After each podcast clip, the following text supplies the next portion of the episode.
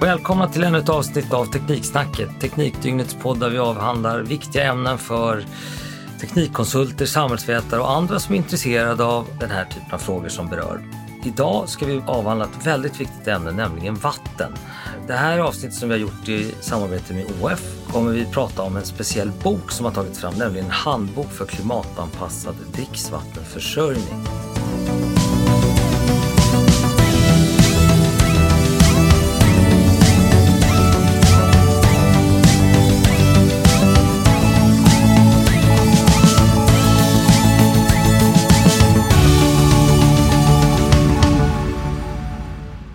Och de som ska guida oss i samtalet och berätta om det här är Robert Jönsson på OF och eh, Per Alejung på Livsmedelsverket, krisberedskap och civilt försvar. Välkomna! Tackar! Eh, den här boken, varför har ni skrivit den? Det är en lång historia kan man säga. Den började 2008 med en utredning som staten gjorde som heter eh, Klimat och sårbarhetsutredningen.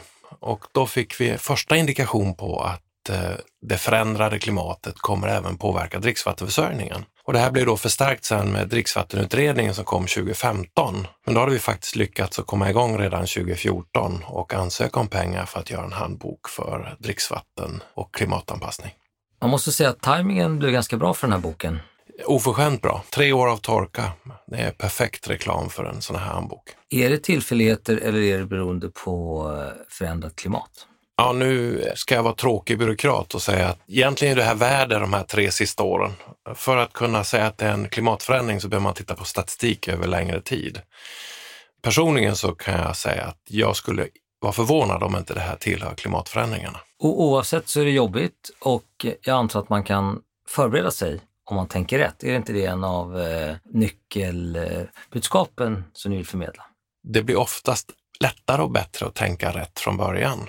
Och då gäller det att göra sitt arbete också från grunden, det vill säga att man börjar med att se hur dagens system ser ut, hur man klarar av att producera dricksvatten idag. Och då är det viktigt att titta bakåt i tiden för att titta på trender om till exempel vattenkvalitet eller förbrukning eller sånt. Och sen så lägger man på framtiden ovanpå det. Och sen så är det meningen att man ska titta på en risk och sårbarhetsanalys för att avgöra vad som är största risken. Och, och vad skulle ni säga är nytt med boken? Ja, det som är nytt med boken det är väl egentligen att man eh, pratar om de här frågorna. Just det här med långsiktigheten som Per är inne är oerhört viktigt. Så att det inte blir som på många ställen hittills att man får släcka bränder eller att man får jobba akut. Har det varit så att man har varit lite kortsiktig och hoppas på att det här ska bara lösa sig av sig självt och sparkat bollen framför sig? Eller? Ja, vi har ju i Sverige tagit eh, dricksvattenförsörjningen för givet under ganska lång tid. Och eh, vi är ju vana att ha rikligt med vatten i Sverige och en fantastisk vattenkvalitet. Så att vi har väl bästa förutsättningar i världen skulle man kunna säga, eller bland de bästa. Men eh, de här klimatförändringarna som är påtagliga kommer ju att påverka vattenkvaliteten och vattenmängd högst påtagligt. Det här är ett jätteviktigt arbete att alla dricksvattenproducenter egentligen får den här medvetenheten och att man jobbar långsiktigt. Sen är det ju en fördel att i handboksarbetet så har många myndigheter deltagit. Alla de myndigheter som egentligen jobbar med råvatten, eller det vill säga sjövatten och, och eh, älvvatten eller grundvatten har varit med och tagit fram den här handboken. Så att vi är väldigt många myndigheter, vi är SKL, vi är Svenskt Vatten och vi har en del dricksvattenproducenter med oss för att liksom rätt underlag så att det kommer till rätt personer. Politik handlar ju ofta om att prioritera och det finns mycket att prioritera. Skulle ni säga att de här senaste årens eh, problem med vattenförsörjningen har fått upp det här på agendan på ett annat sätt? Ja, det tycker vi nog alla. Det är ju väldigt påtagligt att de påfrestningarna som skedde på samhället sommaren 2018. Det var ju inte bara vi dricksvattenkonsumenter som eh, såg detta, utan det var ju även industrin som fick mindre vatten. Eh, där räknar man miljoner per dag i uteblivna intäkter. Det är klart att det är påtagligt att kan vi inte få den här vattenmängden som vi är vana att få? Agendan när man pratar dricksvattenmängd, eh, dricksvattenkvalitet är lättare att äska pengar för idag rent politiskt, det tror jag. Vad finns det för stöd för kommunerna att få? Det stora stödet är väl egentligen att man kan få hjälp av sin länsstyrelse och av centrala myndigheter. Från och med 1 januari så är det så att vi har skyldighet som myndighet att ha ett ansvar inom dricksvattenområdet att stödja kommuner i sin klimatanpassning. Nu handlar det då kanske inte i första hand om pengar utan då handlar det om kompetensförsörjning och till exempel som så här en handbok. Vad tycker ni är det viktigaste? Om man måste nämna något som är absolut viktigast för att det här ska fungera i framtiden. Jag tror att det är jätteviktigt med medvetenheten. Att man inser att eh, det här kan drabba en själv, inte bara andra. Och inser man det och att man är sårbar och att det blir stora konsekvenser för hela samhället, då tror jag att det är lättare att komma igång med det här arbetet. Om man nu kommer igång i god tid, kommer man kunna lösa de här utmaningarna framgent? Ja, man har i alla fall väldigt bra förutsättningar att kunna hantera de störningar som innebär med klimatförändringar på dricksvattensidan. Finns det några bra exempel, några som har kommit långt? Ja, det finns en rad dricksvattenproducenter i Sverige som har kommit en bra bit på väg. Någonting som vi skulle kunna lyfta det är väl Jönköpings eh, län. Mm. Ena eh, delen av kommunen har drabbat av torka medan andra delar av länet har fått översvämningar och eh, mycket intensiva regn och så. De har haft problemställningar i de tre senaste åren, 16, 17, 18. Där landshövdingen också har gått ut och sagt att det är viktigt att varje kommun verkligen jobbar med eh, långsiktighet kring dricksvattenförsörjningen utifrån ett klimatperspektiv. Jag tänkte hoppa vidare till Kalmar faktiskt. Kalmar Vatten, Mörbylånga och Borgholms kommuner, de har jobbat väldigt intensivt för att få dricksvattenförsörjning i området att fungera på ett bra sätt. Och det är ett väldigt bra samarbete under den här värsta kristiden man hade 2016 där man då såg till så att även då fattiga Kalmar som inte har väldigt gott om vatten försåg Öland med rätt mycket vatten för att de ska överhuvudtaget klara sin sommar. Sen har man ju då jobbat i fatt då med Borgholm och snart nu med Mörbylånga så att de har säkrat eller har en säkrare vattenförsörjning i framtiden. Och vad är det man gör då rent praktiskt? I Kalmarregionen så har man ju dragit en ledning från fastlandssidan till Öland och där kunde man då pumpa över ganska mycket vatten per dygn så att både Borgholm och Mörbylånga klarade 2016. Och sen dess har ju då Borgholm byggt en avsaltningsanläggning för att förse Borgholm med omnejd med vatten. Vilket innebär då att man slutat att nyttja ungefär 30 procent av sin grundvattenuttag. Det vill säga att grundvattennivåerna börjar återhämta sig så sakta i Borgholmsregionen. Betyder det att man tar upp bräckt vatten och avsaltar det? Då tar man upp bräckt vatten från Östersjön och avsaltar det, ja. Är det igång? Ja, det är igång sedan ett år drygt. Är det en, en lösning som kan bli storskalig, tror ni? Det är storskaligt på Öland. Men jag tänkte för andra platser i, i Sverige? Absolut. Man har ju samma planer i Möblånga och man diskuterar och har faktiskt gjort det på Gotland. Så man har en anläggning i Gotland som snurrar. Men det här är ju inget nytt för Sverige. Eh, Utö har jag haft det i över 20 år. Så länge jag har hållit på med vatten har, har ju de haft avsaltat vatten och det har fungerat alldeles utmärkt vad jag förstår när man har haft det lite jobbigt det senaste året ute i kommunerna, då antar jag att eh, intresset för de här frågorna är mycket, mycket större än vad de har varit förut. Ja, det har ju fått en helt annan agenda. Bland annat så nämndes det väl även i regeringsförklaringen av Löfven här att det är otroligt viktigt att vi jobbar med de här frågorna, att trygga vattenförsörjningen. Men jag tänkte jag skulle flika in lite grann till eh, Per här med Kalmar. Så har de också jobbat med ett intressant projekt. Projektet går ut på att hur ska vi göra för att trygga vattenförsörjningen i ett flergenerationsperspektiv. Det vill säga om vi var en person om fyra eller fem generationer, vad skulle vi uppskatta att vi gjorde idag? Och jag tror att det är ett himla bra tänk. Och vad skulle du ge för tips för den som ska jobba med den analysen och leka med de tankarna? Robert, vi kan göra reklam för handboken Följer man den så har man större chanser, eller hur? Ja, så är det. Det ger ju alltså praktiska råd för eh, hur man ska gå tillväga och alltså en verktygslåda. Att, eh, är man lite osäker på hur gör man för att arbeta med klimatsäker dricksvattenförsörjning? Ja, men fine, då har vi den här boken och då eh, är det ju lätt om att man kommer igång och vet vilket mål man har. Och vad är de topp tre råden? Det viktigaste är ju det här med förankring och sen så få ihop en stor grupp som består av många olika kompetenser både från miljökontor, dricksvattenproducent, plankontor, gärna politiker, för att diskutera den här frågan. För jag tror personligen att det här är en fråga för framtiden. Och då måste politiken också vara med. Och just det här med förankring, det är alltså att man får en förankring hos det politiska styret eller hos eh, styrelsen om det är ett kommunalt bolag till exempel. Och får man en acceptans där så får man också en acceptans att vidta de åtgärder som man kommer fram till. Finns det något forum här för best practice? För jag kan tänka mig att här kan man glädja glädje av kunskapsförmedling eh, och byta erfarenheter med varandra. Lite grann är det så att man kan nyttja sin länsstyrelse till det, men det finns ju en portal, klimatanpassningsportalen. Där finns det ju ett antal bra exempel på hur man kan jobba och var man kan jobba. Och där finns det också då kontaktuppgifter, vem man kontaktar för att ställa mer och konkreta frågor. Vi som har jobbat med handboken kan ju också svara på frågor och ge tips och råd om vad andra har gjort. så. För det är ju så att vi håller ju på med nu fortfarande med handboken i så mått att vi är ute hos alla 21 länsstyrelser och undervisar Länsstyrelsen och deras kommuner hur man kan jobba med handboken.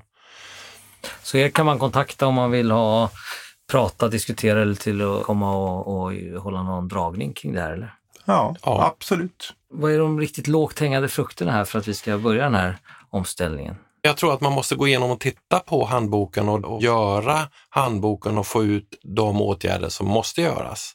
Där kan man hitta då lågt hängande frukter som är lätta att göra, både billiga och snabba att genomföra. Men att jag skulle sitta här, det är så olika från norr till söder. Och vad behöver man för förkunskaper skulle ni säga för att kunna läsa den här handboken? Egentligen inga alls. Det finns jättemycket litteratur man kan eh, leta reda på och det ger ju också då handboken tips om vad man kan läsa mer. Också vilka man kan kontakta. SGU har ett väldigt bra material för hur mycket grundvattennivåerna har fluktuerat förr om åren och hur det är just nu. Och samma data finns hos SMHI där man kan gå in och titta. Hur ser historien ut och hur framtiden ser ut? Varje län har en länsanalys på hur det framtida klimatet kommer att se ut. Och det hänvisar vi till och det har vi nyttjat i när vi för de här utbildningarna. Robert, du räckte upp handen och vill prata någonting om förbjuden lo- frukt. lågt hängande frukt. Ja, jag tänker det. Det som jag spontant kommer på då, det är ju liksom att ha de som blev drabbade av förra årets torka. eh, De negativa effekterna det innebar för de kommuner egentligen som blev drabbade. Det var förra året så var det en tredjedel av Sveriges kommuner som hade vattenbrist. Men det påverkade ju även industrin, det påverkades jordbruk, det påverkades liksom hela samhället. Och det vill man ju kanske inte hända igen. Så jag tror liksom att det är väldigt viktigt att man har det i färskt minne. Att kunde det hända då och vi såg de negativa effekterna, ja, vad ska vi göra nu inför den här sommaren för att inte det här ska hända igen? Och innan vi kastar oss in i framtiden måste ändå en kontrollfråga stämmas, nämligen har vi vattenbrist eller har vi inte vattenbrist? Tittar man i Sverige, vi har ju rejält med vatten. Det är stora vattendrag, vi har stora älvar och så. Så att egentligen spontant så skulle man väl säga att vi inte har det. Men det är ju bara det att när vi använder det som dricksvatten så har vi vatten på fel ställen vid fel tidpunkt. Bra. Och det är väl det som egentligen är Så problemet. det är de prioriteringarna som vi måste tänka till kring, eller? Ja.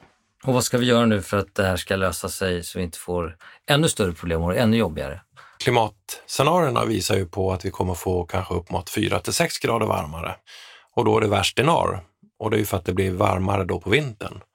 Och där finns det ju skräckscenario om vi inte slutar med att släppa ut koldioxid i den mängd vi gör nu, så hamnar vi i ett scenario där det klimat man har i Skåne kommer man ha i Norrbottens kustland 2100. Och tittar man på regn då så ja, vi kommer få kanske en 10, 20, i vissa fall 30 procent mer på årsbasis. När man då tittar och går in i materialet så ser vi att på sommarhalvåret så kommer det bli förlängd torka för att avdunstningen ökar och växtsäsongen blir längre och tar då mer vatten. Så tillgången på vatten i södra Sverige kommer bli mindre trots att det regnar mer. Så här finns det ju en större risk då för att det Robert säger att detta året var en tredjedel av alla svenska dricksvattenproducenter som hade helt eller delvis bevattningsförbud. Tittar man på framtiden så kommer det vara ännu fler.